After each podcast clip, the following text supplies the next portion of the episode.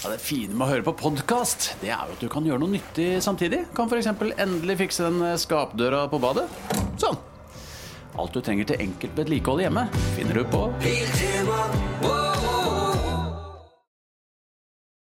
Dekodet. Noen får, ja, noen får liksom dårlig samvittighet hvis ikke de har spist på tre, tre timer, og tenker 'Å, nei, men nå er jeg et dårlig menneske, for jeg skulle jo ha spist for 20 minutter siden'. Dekodet. Da var det fasting. Mm. Faster du nå, forresten? Om jeg faster nå? Ja. Ja. Jeg har ikke spist siden Ikke i går. Siden jeg spiste middag klokken fem. vel? Det har Klokka er ti på halv tolv. Det har ikke jeg. Jeg tror jeg har nattfasta faktisk gjennom hele livet uten at jeg visste det. Å ja, for du er sånn som ikke liker å spise frokost? Klarer ikke. Jeg hater Nei. frokost. Jeg har tvinga det ned i perioder, men som oftest så er første måltid sånn eh, ja, halv tolv, kanskje. Ja. Halv tolv-tolv. Jeg spiser seint, da, så siste er sånn ofte halv ti. ja. Ja, Men da har jeg vel mer enn, tolv timer, da. Da har du mange timer nattfeste. Um, Så det er jo interessant at jeg har jo en sånn hypotese om at vi er sånne A- og B-spisere, på samme Ja. måte som vi er A- og B-mennesker. At det fins noen som er bare naturlig ikke sultne om morgenen, Ja. eh, og at da er det ikke så bra å trykke i seg noe bare fordi at noen Nei. har sagt at det er det riktige å gjøre, da. Og da kan man liksom ja, Jeg tenker at man forstyrrer både appetittreguleringen og eh, Altså hvis, hvis man ikke er sulten, hvorfor skal man spise? ja, hvorfor skal man dytte ned mat? Ja, liksom? Er skal vi drikke når vi ikke er tørste? Skal vi spise når vi ikke er sultne? Skal vi, altså, det er så grunnleggende Ja. behov, og vi har disse signalene som er så tydelige, så jeg tenker at vi skal lytte etter dem, jeg da. Men henger, for jeg er også B-menneske, så henger det sammen, da? Jeg er, Det veit jeg ikke, og det hadde vært veldig interessant å undersøke om det faktisk henger sammen. Men så, jeg tror også at man kan endre type. Ja. At hvis man tvinger seg over en lengre tid til å stå opp f.eks. klokken seks og legge seg klokken ti, eller noe sånt. Mm. Hvis du egentlig er B-menneske, da, men du tvinger deg til det, så kanskje man kan tvinge seg inn i en ny rytme og trives med det. Ja. Jeg veit ikke. Jeg tror ikke det Nei. er undersøkt eh, Nei, jeg prøvde det i 20-årene, gikk til helvete. Men, Ja. uh, men uh, i voksen alder nå så føler jeg at jeg blir mer og mer Jeg er ikke A ennå, men uh, så du nærmer deg, liksom? Ja, jeg sover sjelden, sjelden lenger enn ni, altså. Ja. Og før kunne jeg sove til tolv, jeg. Altså. Ja. Langt opp i 20-åra. Altså. Ja, ja. Så det, det skjer et eller annet med alderen også. Så, men jeg vet i hvert fall at man kan endre type med det med spising, da. Ja, det For kan det, har jeg gjort selv. Jeg har jo Ja. vært veldig sånn frokostavhengig, og, og for meg så var det en sånn sannhet. At jeg må spise, og det første jeg må gjøre når jeg står opp, å, sulten, må Mm. spise. Det er liksom Før jeg gjorde noe annet, så spiste jeg. Ja. Eh, og så begynte jeg da å eksperimentere med å forskyve frokosten, og oppdaget at oi, den der sulten jeg kjente, den gikk jo over på ti minutter. Og så Ja. var jeg ikke sulten igjen på en stund, og så kunne jeg på en måte velge å utsette det Mm. eh, til når jeg da bestemte meg for å spise. Eh, og når jeg hadde gjort det en stund, så slutta jeg å være sulten på morgenen. Tok ikke så lang tid heller. Nei, Så var jeg ikke sulten lenger, så nå er ikke jeg sulten på morgenen. Så greit. Ja, Så, så der kan man tydeligvis endre ja, ja, det det der med. Det er helt klart sånn at eller helt klart, det fins også noen studier på dette her. hvor man, Det er vel egentlig mest på dyr, for man har sett på forskjellige sånne fôringsregimer på dyr. Når kan man fôre dyr for å få optimalt ditt og datt og sånn. Eh, og så ser man også på da sult hos disse dyrene. Altså hvordan, hvordan sulten påvirkes av de forskjellige fôringsregimene. Og der ser man også at der kan man endre dette her. Så, og det, dette kan man jo måle hormonelt. Mm. Så man ser at dette eh, sulthormonet, som eh, heter grelin, det Mm. skilles ut når man forventer mat. Ja, Ja, ikke sant? det altså Jeg snuste før, og i det, bare det å lukte på en snusboks, det økte jo spyttproduksjonen i munnen Ja. med, med en gang. Så det er et eller annet som skjer, bare ved tanken eller lukta på mat. ja så, og vi er, jo, vi er jo veldig styrt av døgnrytmer, ikke sant. Cellene våre har disse innebygde klokkene i eh, gåseøynene, da. Eh, så de stilles antageligvis da inn etter hva er man vant til å gjøre på forskjellige eh, tider på døgnet. Så dette her kan vi forskyve på, og vi er ganske plastiske der Mm. òg, da, ser det ut som. Enten det er liksom mat eller søvn, eller Ja. vi klarer jo å justere på disse tingene.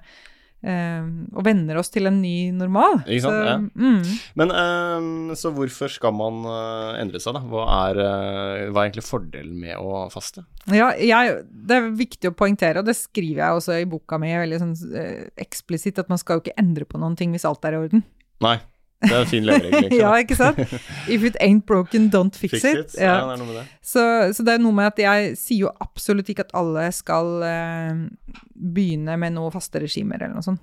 Um, men det som er viktig, er jo at det er masse mennesker der ute som går rundt og har mye sånn av det vi kaller diffuse plager. Uh, mange har fordøyelsesproblemer. Uh, vi har jo forekomst på liksom, i hvert fall 10% kanskje mer, for det er en del udiagnostisert av det vi kaller for irritabel tarmsyndrom, Mm. som er masse forskjellige sånne plager fra fordøyelsessystemet, kobla til mat. Um, så det er det mange som har. Og det er også masse mennesker som går rundt med eh, smerter, ledd- og muskelsmerter, Mm. som ikke egentlig kan liksom konkret eh, peke på noen årsak, men man bare har, man har vondter i kroppen. Masse mennesker som har eh, hodepineproblemer, både hodepine og migrene, veldig utbredt. Um, ja, så det er noen av de, og, og mange som har problemer med energi, bare føler seg liksom tomme Mm. for energi. Uh, og selvfølgelig mange som har problemer med en kropp som liksom ikke altså, Som føles litt for tung. Man veier litt mer enn det man egentlig ønsker å, å gjøre, men som føler liksom at ja, men uansett hva jeg gjør, jeg, jeg prøver å gjøre disse tingene, jeg prøver Mm. å trene, jeg prøver å spise sunt, Uh, kroppen responderer ikke. Altså hvis man har, og ofte så har disse har man disse her i kombinasjon. Mm. Det er mange som har liksom litt overvekt, litt smerte, litt hodepineproblemer, litt dårlig energi. Um, så hvis, og det kan, det kan gi ganske store utslag på livskvaliteten. Og arbeidsførheten, ikke minst. Og, ikke Mm. sant? Slike ting. Um, så jeg tenker at hvis man har sånne problemer, så kan det være smart å begynne å se på hvordan er egentlig måltidsmønsteret mitt. Mm. Hvor mye pause får jeg fra maten? Det er det det handler om. Det handler ikke om å liksom Her fins det en spesifikk oppskrift som er helt riktig, og denne skal du følge.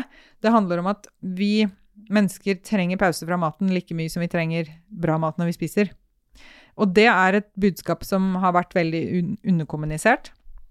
Eh, men vi har gode biologiske begrunnelser til å backe det opp. Mm. Eh, vi vet f.eks. at når vi ikke spiser når vi ikke har spist på en stund, og det rumler litt i magen og, og sånn, så pågår det en sånn mekanisk renseprosess som jeg kaller for børstebilen.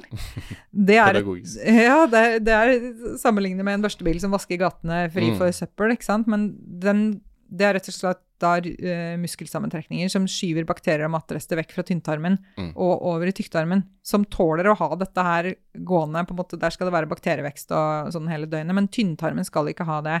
Den skal være tilnærma steril mellom måltidene. Og Ja. det er veldig viktig, fordi at tynntarmen er jo der vi tar opp næringen. Eh, ekstremt viktig at det organet holder seg sunt og friskt. Mm. Um, og så ser vi det at hvis ikke den funksjonen får lov til å gå, så tilrettelegger det for betennelse i tynntarmen. Og da får man dårlig næringsopptak, og så får man plager osv. Så, videre. så det er en av disse funksjonene som vi vet eh, skal skje mellom måltider. Eh, Så det betyr at vi, hvis vi kjenner den der eh, rumlingen, så betyr ikke det at nå må du løpe til maten med en eneste gang. Du må få stoppet dette. Spis hva som helst, liksom. Ta en muffins, ta en Ja. snickers, bare Det for er å mange som er stoppe redd for å dette være sulten. Ikke sant? Ja, ikke sant? Folk er så redd for den sultfølelsen. Og det trenger man ikke å være. Kan man tenke at ja, men her pågår en viktig biologisk prosess. Jeg skal spise når jeg er klar for mat. Mm. Ikke sant? Når jeg kan sette meg ned og spise mat som jeg har forberedt, som er bra, Mm. av bra kvalitet. Det er da man skal spise. Ikke når man kjenner et lite sånn knyst eh, Nei, nei. I, i magen. Så det er det ene. Og så vet vi også at i de periodene vi ikke har spist, da, eller når vi har vært uten mat en stund, så pågår det mye vedlikehold og reparasjon på cellenivå. Ja. Mm, og det er også kjempeviktig. Dette er prosesser som eh, skal sørge for at vi holder oss friske. Vi bryter ned eh, ja, Mange har kanskje hørt om disse mitokondriene, som man kaller Ja. for cellens kraftverk. Det er jo de som produserer selve disse, denne energivalutaen i cellene våre. Mm. Eh, de blir jo etter hvert litt eh, slitne og dårlige og trenger å byttes ut. Eh, det er jo en av disse prosessene som går da når vi ikke spiser, så bryter man ned dysfunksjonelle mitokondrier, og så bygger man opp igjen senere.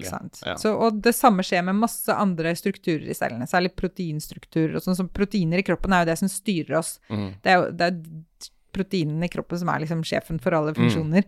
Um, så, så vi trenger å ha godt fungerende proteiner i Ja. cellene våre, og når vi da har pause fra maten, så brytes dysfunksjonelle proteiner ned, sånn at man kan bygge det opp igjen fra scratch. Og dette, er, dette skal pågå som en sånn evig prosess, Ja. en e evig sånn um, turnover på godt norsk, håper jeg, eh, hvor man bygger opp igjen uh, og bryter ned det som ikke fungerer. Da. Så når man liksom legger disse biologiske mekanismene sammen, så skjønner man hvorfor pausene fra mat er så viktige, og at dette her handler ikke om slanking. Det er kjempeviktig å påpeke. Det er ikke det som er greia, liksom at nå, nå skal alle faste seg ned i vekt. Nei, det handler om å ivareta viktige biologiske funksjoner som er der for å holde oss friske. Eh, og de får jo ikke lov til å virke hvis man hele tiden putter på med et eller annet. ikke sant? Nei. Eh, og det har vi jo begynt å gjøre i mye større grad med, dette budskapet om at man skal spise ofte og lite, og man skal spise mellommåltider, og den massive markedsføringen av mellommåltider som vi er utsatt for. Mm. Ikke sant? Og de, eh, alle disse fristelsene. Hvis du beveger deg rundt i bybildet, det er sånne cues om å spise et eller annet hele tiden. Jeg husker jeg ga ernæringsstudentene mine i oppgave eh, en gang at de skulle telle. Ta fra du beveger deg nå fra høyskolen til du er hjemme. Noter deg absolutt alle signaler du får inn om å spise. Eh, enten det er en reklame på en trikk, det en, eh, kommer det eh, kanelboller lukte ut fra bakeren, er det en bil som kjører forbi med en reklame på, eller hvor er det liksom? Er det boards? Eh, og de noterte ned dette her, og de var helt sjokkert over hvor mange sånne inntrykk de hadde fått. Altså signaler om å spise.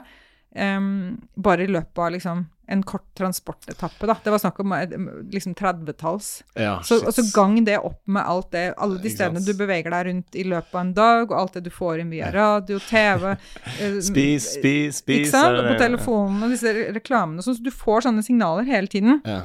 Eh, og de signalene kan jo også påvirke Og de påvirker oss mye. Mm. Eh, og de kan være så sterke at de liksom overkjører egentlig de biologiske signalene vi får Mm. eh, fra hjernen da, om appetitt og hvor sulten er du egentlig nå. Så det kan veldig fort trigge sånne ting. Um, ja.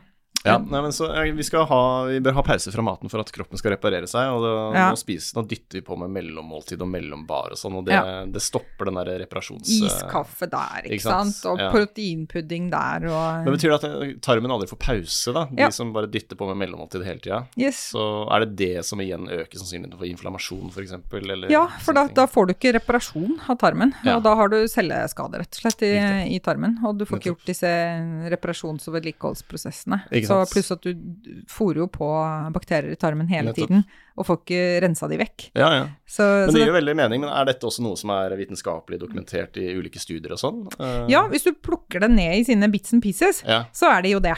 Ikke sant? Mm, så For mange tenker på fasting som en sånn litt sånn alternativ hype, kanskje. ikke sant? Eh, noen ja, ikke sant? Og noen snakker jo om faste som en sånn Ja, ja nå kommer denne hypen, liksom. Ja. Eh, det å ha pauser fra maten, da, gode pauser fra maten, det har jo vært en del av vår eh, Mm. evolusjon. Det er jo sånn vi mennesker har utviklet oss. Vi har jo ikke spist kontinuerlig. Vi har jo ikke løpt rundt på steppene med mellombar i veska, ikke sant? på. Nei, vi har jo ikke det. Så, så det er jo helt åpenbart at dette er jo eh, viktige prosesser som, eh, som har fått lov til å gå i mye større grad Mm. tidligere, da. Og mm, vi vet jo ikke alt om måltidsmønster og sånn i riktig gamle dager, men hvis man tenker seg det man vet fra hvordan samfunnet var organisert, hvordan folk har eh, utført for, forskjellige oppgaver og sånn, eh, så er det lite sannsynlig at det var mye Mm. småspising hele tiden.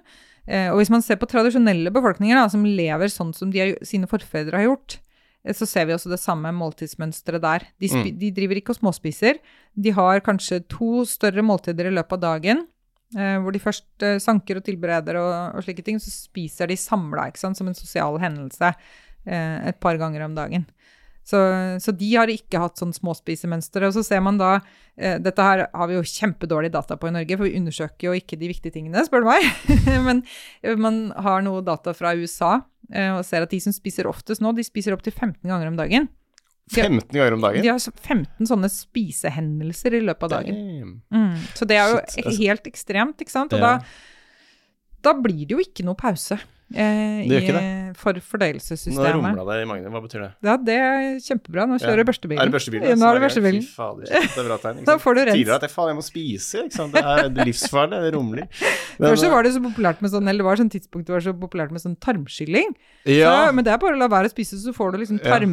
ovenfra ovenfra ja, hva var det for noe? Folk som dro til legen og putta noe greier opp i rumpa og Ja. spylte salt av den, var det ikke det? Ja, jeg veit da søren, det. Ja, det var en det- eh, her. hypotese om at det var bra å skylle ut eh, noe av tarminnholdet Ja. sitt, men den tarmen er jo absolutt skrudd sammen for å tåle det. Ja. Altså tykktarmen og videre, den er jo skrudd sammen for å tåle tarminnhold hele døgnet. Ja, ja. Skal gjøre det, så Men genialt sånn ja. PR-strategisk av de eh, matvareprodusentene som har fått oss til å tro at man må spise hele tida. Ja, ikke sant? Og så har man jo gjort det med å bare fokusere på eh, det bra i maten, ikke sant? Så har man brukt disse her merkelappene, så står det et eller annet proteinrikt, og så tenker man at dette er jo i praksis en sjokolade, men siden Mm. det står proteinrikt på den, så er det sikkert bra for meg. Ja. Eh, og da må jeg ha den både før og under og etter trening òg. Det er så mye er, sånne ja, budskap. budskap. Er det ikke Tine som har den reklamen der mellommåltidet? Er du litt sånn småsulten, er Ja, det er en sånn sånn tegneseriefigur ja, oppi. så- Ja. Mm, den Det er jo sånn midt i uh, Ja. Purra det vi snakker om, egentlig. Mm. Men, eh, men din vei inn i fasting, var det at du selv hadde vondter og sånn i kroppen som gjorde at du Ja. fikk effekt av å stoppe å spise Ja. Mm, for jeg har også hatt feilaktige, den feilaktige oppfatningen om at det var viktig å spise ofte og lite, og tenkte at det var liksom en opplest og vedtatt sannhet. Og det høres jo logisk ut, ikke sant? Hvis du da velger bra mat, eh, liksom jevnlig påfyll av bra ting, høres jo Ja, ja. intuitivt ut som en god idé. Hvis man, hvis man er en bil, så er det liksom hele tiden å få tilførsel, Ja, ja. nok tilførsel av bensin er en Ja, ja. passe, Du eh, burde ha en sånn intravenøs kontinuerlig tilførsel av vitaminer. Ja, sånn. ikke sant? Um, og så er jo ikke vi eh, maskiner. Eh, vi er jo avanserte biologiske vesener. Mm. Uh, så det er litt andre prinsipper som gjelder, da. Um, men jeg begynte å eksperimentere med det som følge av at jeg hadde mye problemer med, med fordøyelsessystemet selv. Da. Jeg har jo sånn irritabelt tarmsyndrom. Mm. Uh, og har brukt store deler av mitt liv på å prøve å liksom finne hva er det perfekte kostholdet for meg. Hva er det Mm. jeg kan spise som gjør at jeg ikke har symptomer? Så jeg hadde mye symptomer fra magen, altså mye magevondt og oppblåst og sånne ting. Men jeg hadde også mye sånne ekstraintestinale symptomer, som det heter. Altså mye migrene, ledd- og Mm. muskelsmerter og utmattelse og slike ting. Så jeg var egentlig ganske Jeg blei liksom gradvis dårligere og dårligere og dårligere. Um, og var selvfølgelig veldig desperat etter å finne en løsning, da, eh, på det. Så jeg har jo vært på alt som er av sånne forskjellige typer kosthold som teoretisk skal virke mot eh, sånne typer plager. Og har eksperimentert mye med det, og ofte funnet liksom at ja, det er kanskje bedre litt, eller, men har likevel vært såpass dårlig at jeg ikke har klart å skille ut hva er det egentlig. Mm. Eh, jeg har ikke kunnet liksom finne et kosthold hvor jeg vet at hvis jeg bare spiser dette her, så er jeg i stabilt god form. Det kunne fortsatt bare komme altså smelle i trynet på meg, på en måte, som Ja. når som helst kunne jeg bli kjempedårlig og virkelig slite ekstremt med å holde meg gående. Eh, og det er ikke så veldig ja, Det er jo ingen som vil ha det sånn. Eh, veldig, veldig slitsomt. Og man kan, i hvert fall min erfaring, jeg kan greie å gjennomføre ganske mye med smerter i kroppen og med migrene og sånn. Jeg kan eksempel, jeg har stått med og holdt forelesning jeg, med, med migrene.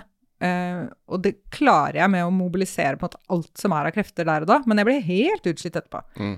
Så jeg tror at hvis jeg hadde bare fortsatt sånn lenge, så hadde jeg sikkert gått på en sånn utmattelsessmell. Fordi det er så slitsomt å leve med sånne smerter og plager. Man bare utmatter seg, da.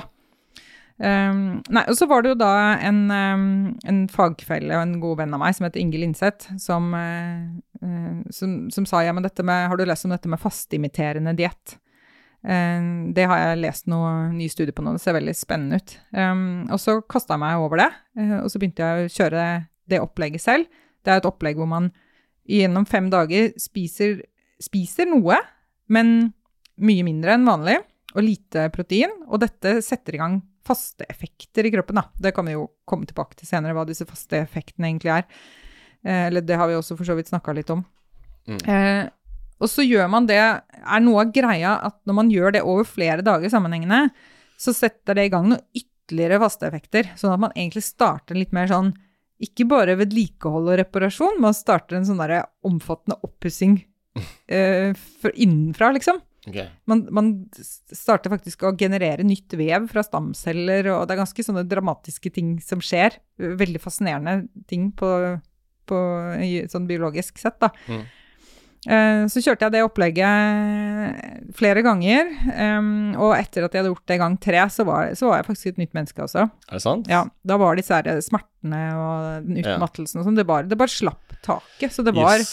helt Det var ikke eh, noe placebo der å snakke om. Det var eh, det- Det kan jo komme Nei, på toppen altså, igjen, da. Jeg veit ikke helt, men det, var, det som var litt merkelig, var at det skjedde en så stor Mm. endring etter tredje gangen. Eh, og hvordan jeg skulle liksom fremkalt det med placebo, det vet jeg ikke helt. For eh, ja. Um... Nei, ikke. Det vet jeg heller. Men, men i eh, hvert fall så, så skjønte jeg at her, her ligger det veldig mye Her er det noen potente greier i dette her med å aktivere disse faste mekanismene, da. Eh, og etter at jeg da brukte dette her på en måte til å komme litt sånn tilbake til helsa mi, eh, så jeg satt meg inn i alt som er av faste litteratur, og følger dette feltet veldig tett.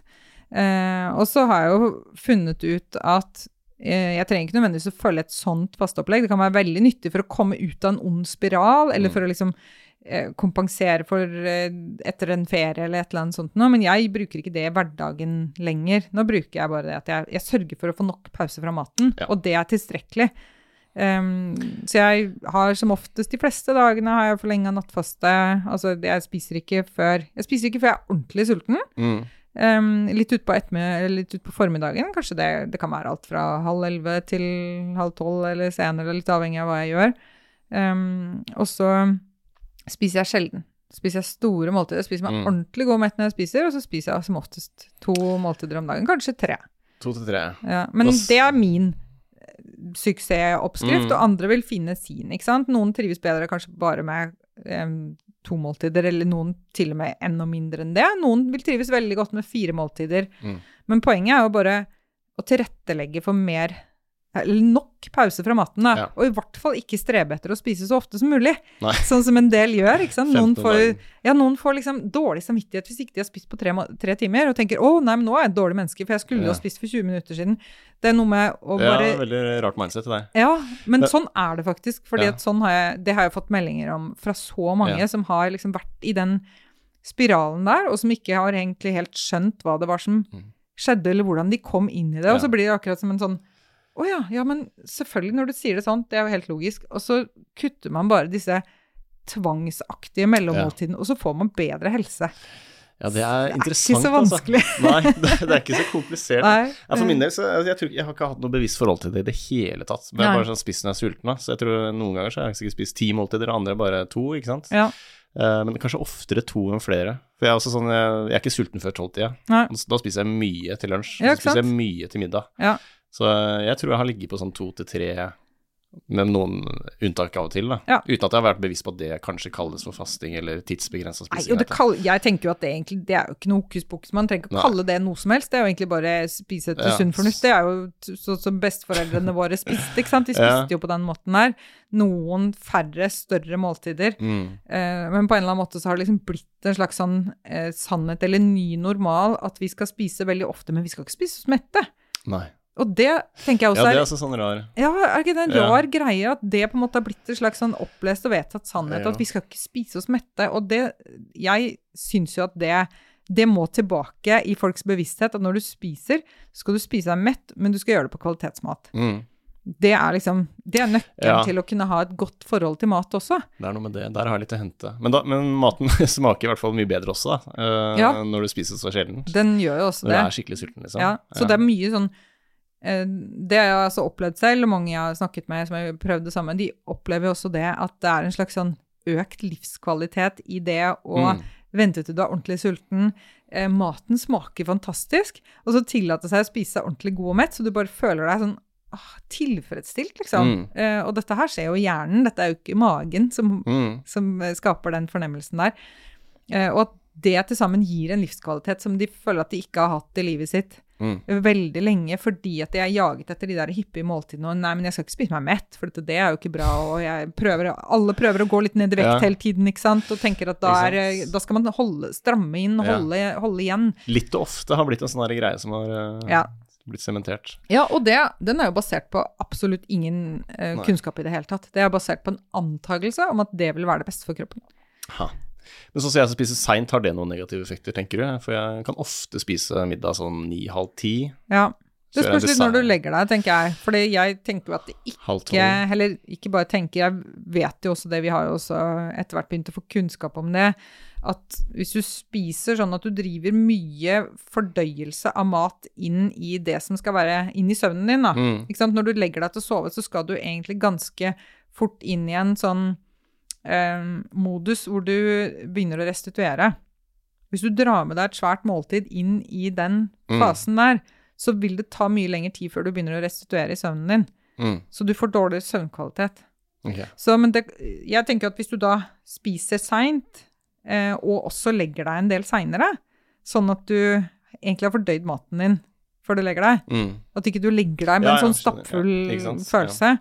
Eh, så kan det hende at det går fint. Kanskje du er et sånn gjennomført B-menneske, at det, Mm. går, det går greit, og at også dine biologiske funksjoner ellers er tilpassa det der, og at du sover godt og har god søvnkvalitet og sånn, så, så vil ikke jeg si at ikke du skal gjøre det. Nei. Men jeg tenker at det er en god idé å legge det største måltidet sitt litt tidligere på dagen. Okay. Så jeg ville kanskje spist Eller sørget for at det liksom ikke dro seint ut på kvelden. da. Man Ja. kanskje spiser La oss si man egentlig spiser mer til middag og mindre til lunsj. Kunne man sånn bytte om. ikke sant? Ha Mm. det største måltidet midt på dagen, og så et litt mindre måltid på kvelden, sånn at man rekker å, Ja.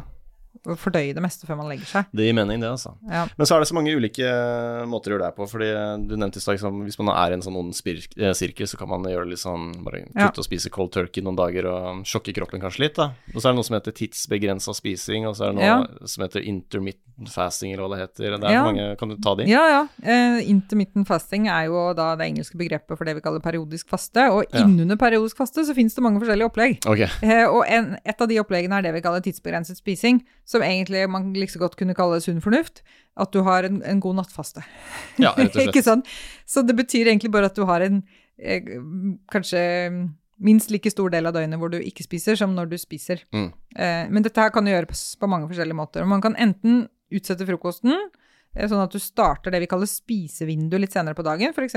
tolvtida, da, eller elleve, eller et eller annet sånt. Og så sier du at ja, jeg spiser ikke etter klokka sju, eller et eller annet sånt. Mm. Eh, eller man kan si at jeg, jeg spiser ikke før klokka to, og så slutter jeg å spise klokka seks. Da har du et veldig smalt spisevindu. Et veldig lang, eller veldig lang nattfaste, da. Mm. Så det kan gjøres på forskjellige måter. Men alle disse hva skal man si, bevisste eh, grepene du gjør for å kutte ned spisevindu og øke nattfasten, det kalles for tidsbegrensa spising. Og det handler jo egentlig Det er jo egentlig ikke faste på en måte per se, tenker jeg da, selv om du aktiverer noen av de samme mekanismene. Men greia med tidsbegrensa spising er at du spiser deg mett til måltidene. Ja. Ikke sant? Så det er ikke noe sånn eh, kalorirestriksjon da, eller energirestriksjon. Eh, men det som kalles på en måte, det som jeg tenker på som ekte fasteopplegg, der driver man bevisst tilbakeholdelse av energi okay. for å trigge noen mer eh, potente fasteeffekter, da. Ja. Så det kan jo være f.eks. Eh, å faste en hel dag, eller faste det meste av døgnet, bare spise ett lite måltid midt på dagen. Det er jo det de gjør i det som kalles for 5-2-dietten. Så har de fem vanlige spisedager, og så har de to dager i uka hvor de har ett lite måltid okay. midt på dagen, f.eks. Det er en type periodisk faste. Eller så kan man drive det som kalles for alternerende faste. Da har man fastedager og spisedager om hverandre, sånn Mm. annenhver omtrent. Mm. Eh, Det er et opplegg man kan bruke, eller man kan bare ha man kan ha veldig mange forskjellige sammensetninger av opplegg der som egentlig innebærer det å drive periodisk faste, da. Kanskje man av og til driver med tidsbegrensa spising, av og til så tar man en hel fastedag, av og til så kjører man litt alternerende faste. Det, det er mange forskjellige Det, fin, Ja. det fins ikke noe sånn Nei, okay. det. Dette er liksom gulloppskriften, den Nei. må du følge. Jeg tenker at folk må finne ut av hva passer for meg, og i det hele tatt først må man finne ut av har jeg noe nytte av dette her, da. Mm. Um, og så kan man jo gjerne eksperimentere bare fordi man er nysgjerrig, eller hva man vil. Og så må man finne ut av hva man trives med. Hva er det som passer til mitt liv? Hva, hva er det som gjør at jeg føler at jeg har det bra? Uh, og det er ikke noe sånn at det ene nødvendigvis er bedre enn det andre, da. Men faste imiterende diett er det også noe som heter. Det er ikke Ja. det samme som periodisk fasting, for da spiser du normalt, men såpass lite at det basically er fasting fordi du får ikke nok kalorier, eller? Ja, både kalorier og Eller energi og, og protein. Så det var det Ja. jeg nevnte og det var det jeg begynte å eksperimentere med først. Mm. Så faste imiterende diett er et spesifikt opplegg, eh, et femdagers opplegg, som man kan repetere Okay, ja. så ofte eller så sjelden man vil, men med minst det skal, det skal gå litt tid mellom disse periodene. Ja. Eh, men da, da strammer man veldig inn på både energiinntaket og på proteininntaket. For det er særlig proteiner som, som gjør om kroppen kjenner er jeg i faste Mm. modus nå, eller er jeg ikke det?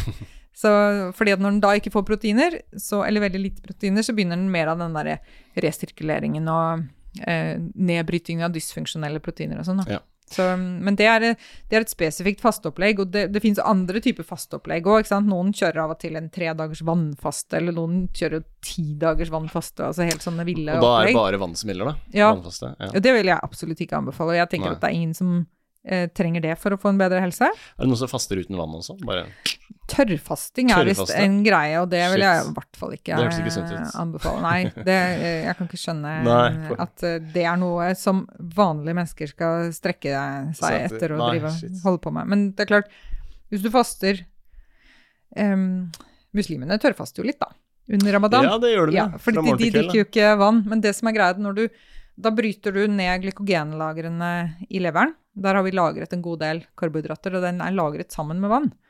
Så når du bryter ned glykogenlagrene dine, så frigjør du ganske mye vann. Så det tar litt tid før den dehydreringen blir kritisk. Ja. Eh, og dessuten så pågår jo energiforbruket vårt hele tiden, eh, og også lager vann, det som kalles metabolsk vann. Det er jo et endeprodukt av energifrigjøringen vår, er faktisk også vann. Mm. Så så lenge vi har energi eh, ja, vi driver på med det, så lager vi også noe vann i kroppen. Så det er ikke sånn at vi ikke har noe tilgang på vann. Da. Så det er klart Nei. man klarer seg også Det er jo grunnen til at man klarer seg uten vann Mm. par dager, men jeg anbefaler ikke det.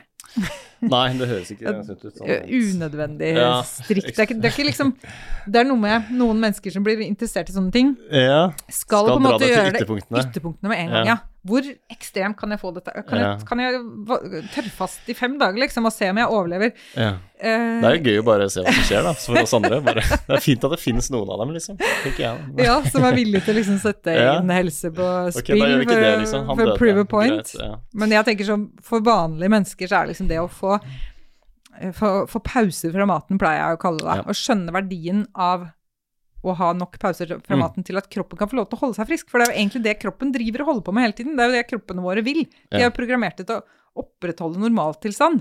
Så hvis vi tuller med den, den funksjonen der, ikke sant? ved å si at ja, men du, kroppen min, du får ikke lov til å drive reparasjon og vedlikehold, du. Jeg skal pøse på med et eller annet hele tiden. Så det er klart at vi blir syke av det. Mm. Eh, og dette er jo også veldig godt dokumentert. Da. Altså hvis man, man kan jo ta eh, forsøksdyr, og så kan man slå ut denne autofagifunksjonen ved å rett og slett mutere eller fjerne funksjonen til noen spesifikke proteiner som styrer dette her. Og da ser vi at de dyrene blir kjempesyke. Ja. og det går på veldig mange forskjellige ting. Men det går på en måte på sånn grunnleggende opprettholdelse av Mm. funksjonen i kroppen. Ja. Så det er helt åpenbart at dette her er kjempeviktig for oss. Hva er eh, Kan du definere autofagi? Er det da Ja, det, er, det kalles jo for selvspise, eller det betyr ja, egentlig selvspising.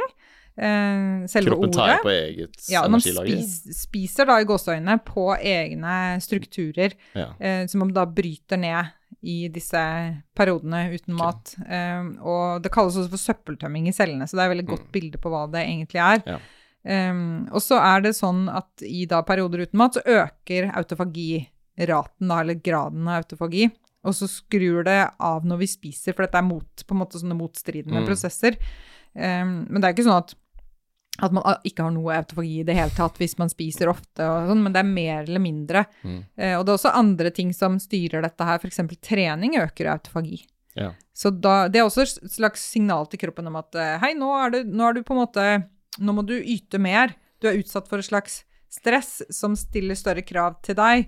Nå må du finne måter å håndtere dette her på en bedre måte på. Liksom. Det, det skaper et stress som gjør at kroppen blir mer um, rusta da, til å opprettholde helsen sin. Ikke sant? Ok, men Mm. eh, apropos trening, da. eh, For fasting og trening, det høres ikke ut som det kan gå hånd i hånd. Nei, det er jo Gjør veldig mange som har fått seg en overraskelse der. For de Ja. tenkte at ja, men jeg må jo alltid spise før jeg trener, og så prøver de å trene fasten, og så bare oi, det gikk jo kjempefint, jo. Gjør det det, altså? Ja, det går, eh, det går veldig fint, men det kommer jo det kommer litt an på for Kanskje det er vanlig vane, det òg? Ja. Ja, det er vane. ikke sant? For det første er du tilvendt faste, du må venne deg litt til det. Du kan ikke bare plutselig begynne på en tredagers vannfaste og så tro at kroppen skal fungere normalt i det. Så jeg tenker at folk må, hvis de har lyst til å prøve dette her, ta det litt gradvis.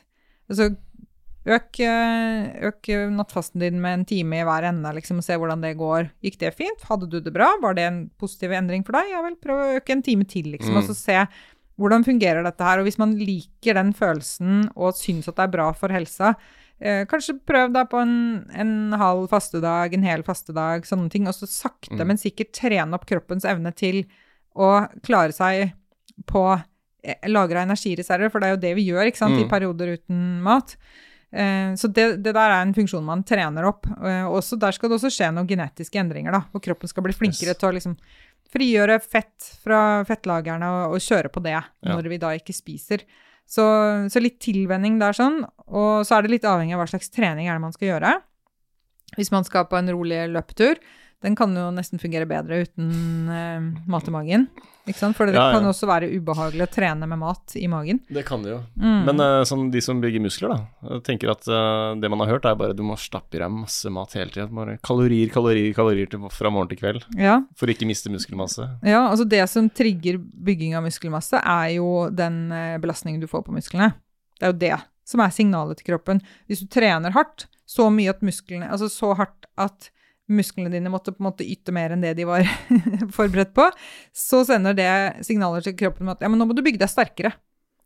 Da blir det brutt ned litt i den prosessen, og så skjønner kroppen at hei, jeg må bygge meg opp litt sterkere, for nå blir jeg så hardt belasta. Så det er selve treninga som er signalet til kroppen om å bygge muskler. Men når du skal bygge muskler, så trenger du noen proteiner.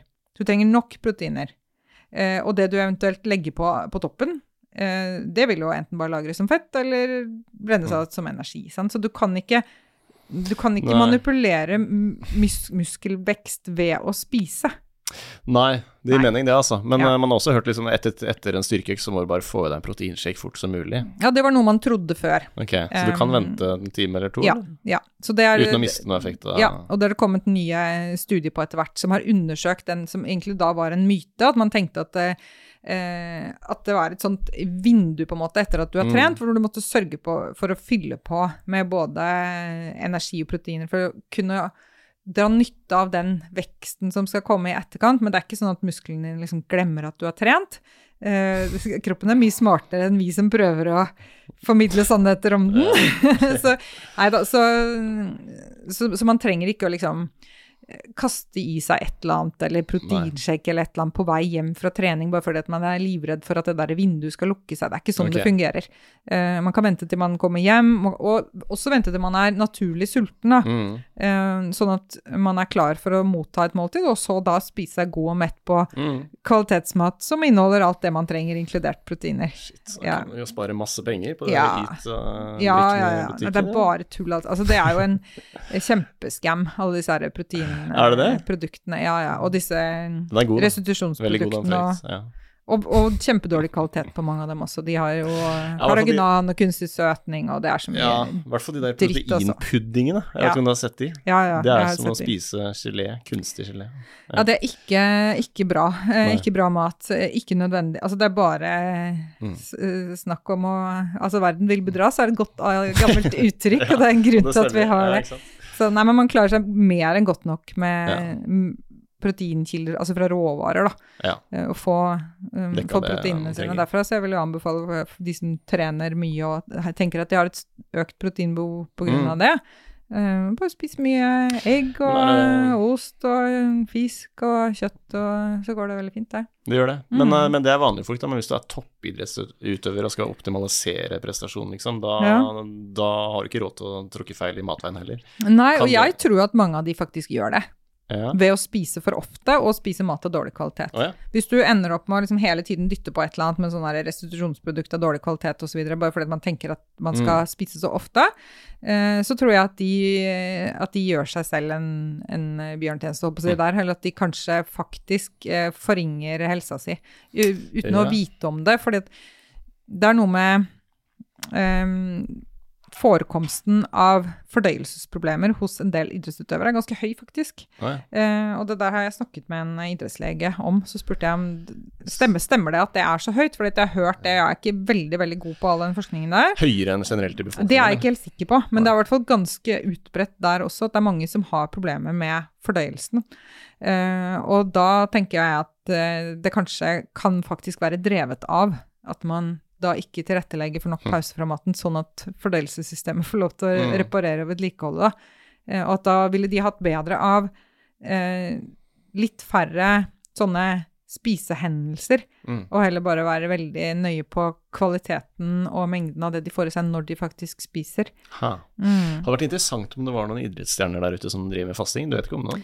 Som... Eh, ikke sånn eh, med navn, men jeg vet Nei. at det fins en del, en del, det er kanskje feil å si, men det fins noen som driver med sånn eh, ultraløp og sånn, Ja. eh, som gjør det, har gjort det i fastende tilstand bare for å Teste. prove a point. Ja, mm, så det er jo absolutt uh, mulig, men jeg tenker jo at hvis man driver veldig sånn langvarig eh, trening, så kan det være smart å eh, både ha liksom fylte Mm. glykogenlagre og sånn. Det kan godt hende at man har nytte av det. Um, og så er det avhengig av hva slags type idrett man driver, da. Ja. Hvis man skal drive sånn eksplosiv idrett, så er man kanskje også mer avhengig av Ja, den karbohydrat... eh, ja, du går ikke inn i en boksering som- på to mage, kanskje. Eller du kan kanskje, Jeg, men jeg veit ikke helt.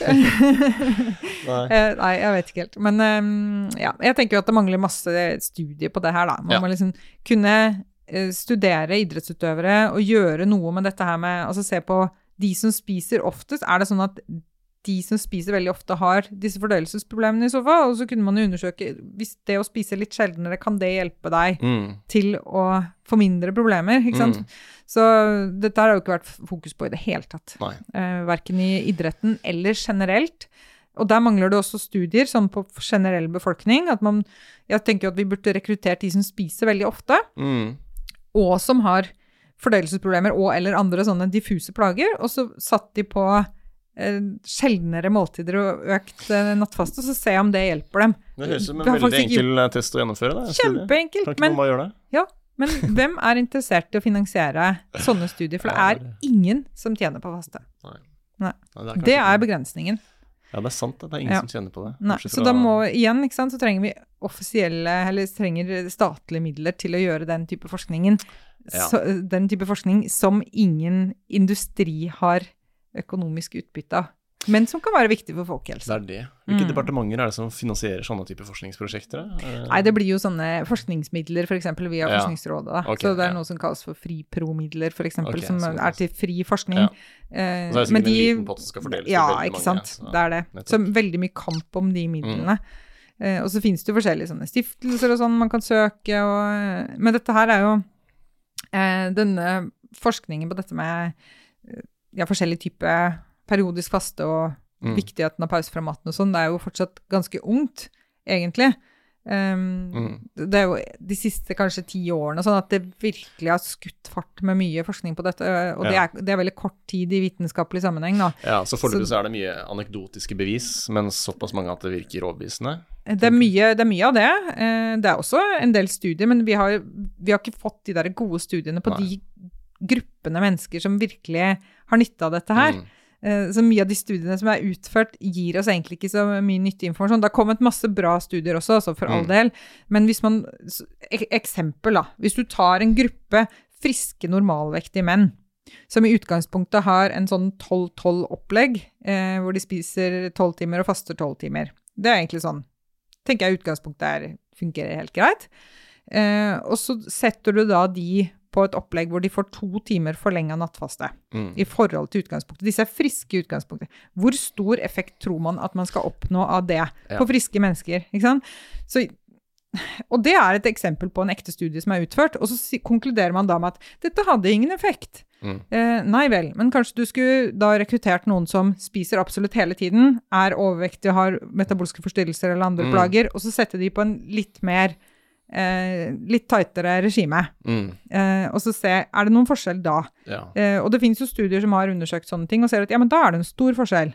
ja. Så man må liksom se på hva er den gruppa vi ønsker å si noe om, og så må man kjøre studier på ja, dem. Selvfølgelig. Ja, og det er Det- for eksempel fins ingen studier på personer med irritabelt tarmsyndrom og det å øke nattfaste, f.eks. Mm. Så jeg har jo vært med på å søke midler på det et par, par runder nå, fått avslag fordi at det ikke er noen forskning, blant annet. Ja. Så det blir litt sånn Ja, ok, men Ja. det er jo egentlig det vi prøver å skaffe til veie, da, så Ja. Ja, Så det er litt sånn frustrerende. Det er- Møter byråkrati og Ja, tunge systemer. Men, eh, men nå har vi snakka om helsefordeler, men uh, vi har ikke snakka om vektreduksjon. Har fast og har det, Fins det noen fordeler der for folk som prøver å gå ned i vekt, eller? eh? Ja, og så tenker jeg at det er jo sånn sekundært, egentlig. Fordi Ja. at eh, ja, det går selvfølgelig an å faste seg ned i vekt. Alle skjønner jo det at hvis du slutter å spise, så det- går du ned i vekt. Men det er ikke denne, hva skal man si, denne bølgen som noen Mm. nå kaller en hype, som egentlig er en sånn, skal man si, gjen, eh, en sånn gjenerkjennelse av viktige eh, deler av livsstilen vår, da. Det tenker jeg at det egentlig er dette med, med å ha mer pause fra maten. Mm. Det handler ikke primært om vekt. Det handler primært om generell helse, Mm. og at vi må la disse biologiske systemene få lov til å fungere for at vi skal holde oss friske over tid.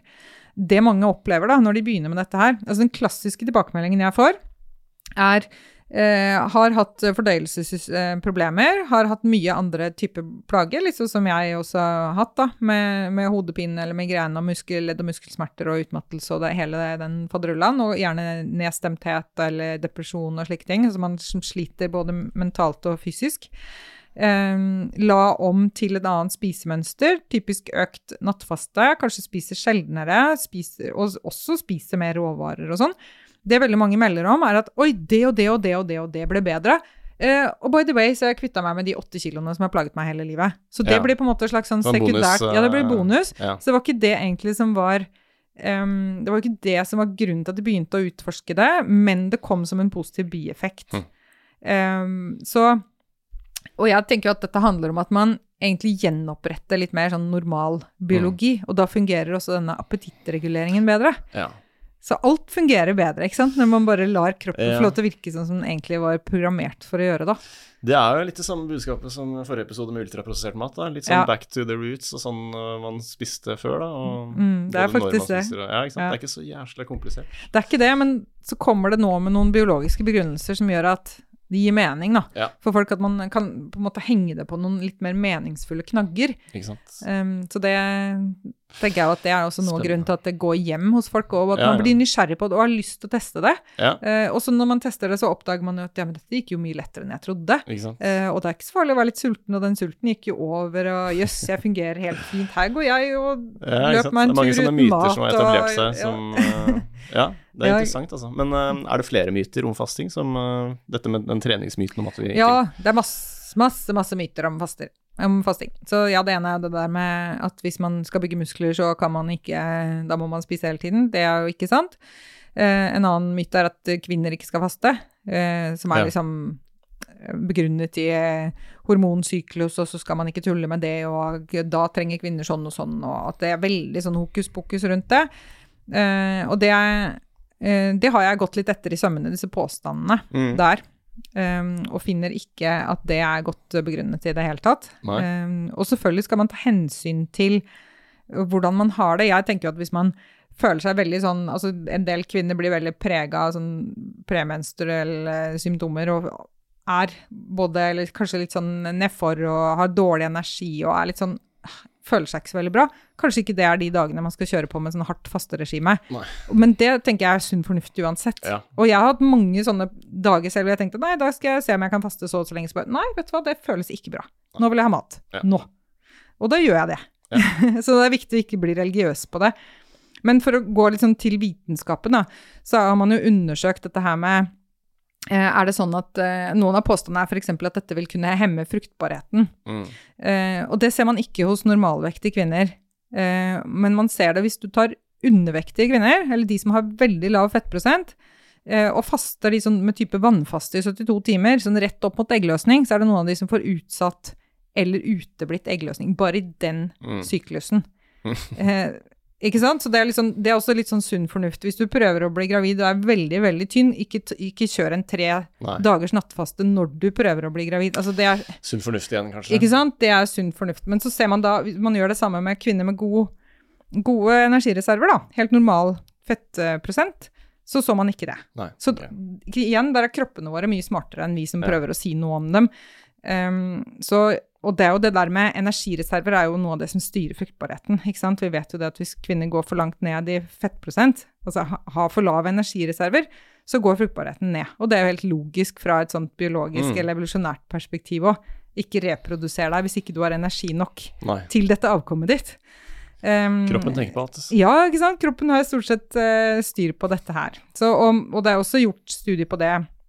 Man ser f.eks. at personer som har som er litt overvektige, eller har det vi kaller for sånn PCOS, som er en sånn, eh, eh, sånn systesyndrom Mm. på eggstokkene som går løs på fruktbarheten, de kan ha nytte av f.eks. det med, med tidsbegrensa spising. Da. Ja. Og at de, det øker, eller gjenoppretter mer normaltilstanden hos dem. Og vi vet også at kvinner som er veldig overvektige, har lavere fruktbarhet, eh, og at det å gjenopprette normalvekt vil være bra. Så jeg mener jo at det der er bare antagelser, og å tro at det skal ha noe negativt å si for, eh, for Mm. kvinnehelse, da. Ok. Mm. Så det, Nå det er veldig interessant. Ja. Nå begynner den nattfasten her å bli litt vel lang, syns jeg. Ja. Klokka nærmer seg halv ett, og så er det ikke noe oksygen i rommet her. Jeg må få Nei. meg ventilasjonsanlegg. Det, her, eh, det er varmt. ja, Men det er varmt. eh, veldig bra prat. Mm. Uh, boka di kan folk kjøpe. Hva og når skal vi spise? Kjøpes da man kjøper bøker, tipper jeg. Ja. Og sosiale medier og sånn. Du er vel der òg? Ja da. Jeg er mest aktiv på Instagram. Mest på Instagram. Mm. Der heter du Marit. Marit Kolby, rett og slett. Så bra. Mm. Takk for praten. Ja, i like måte. Det- det- det- Dekodet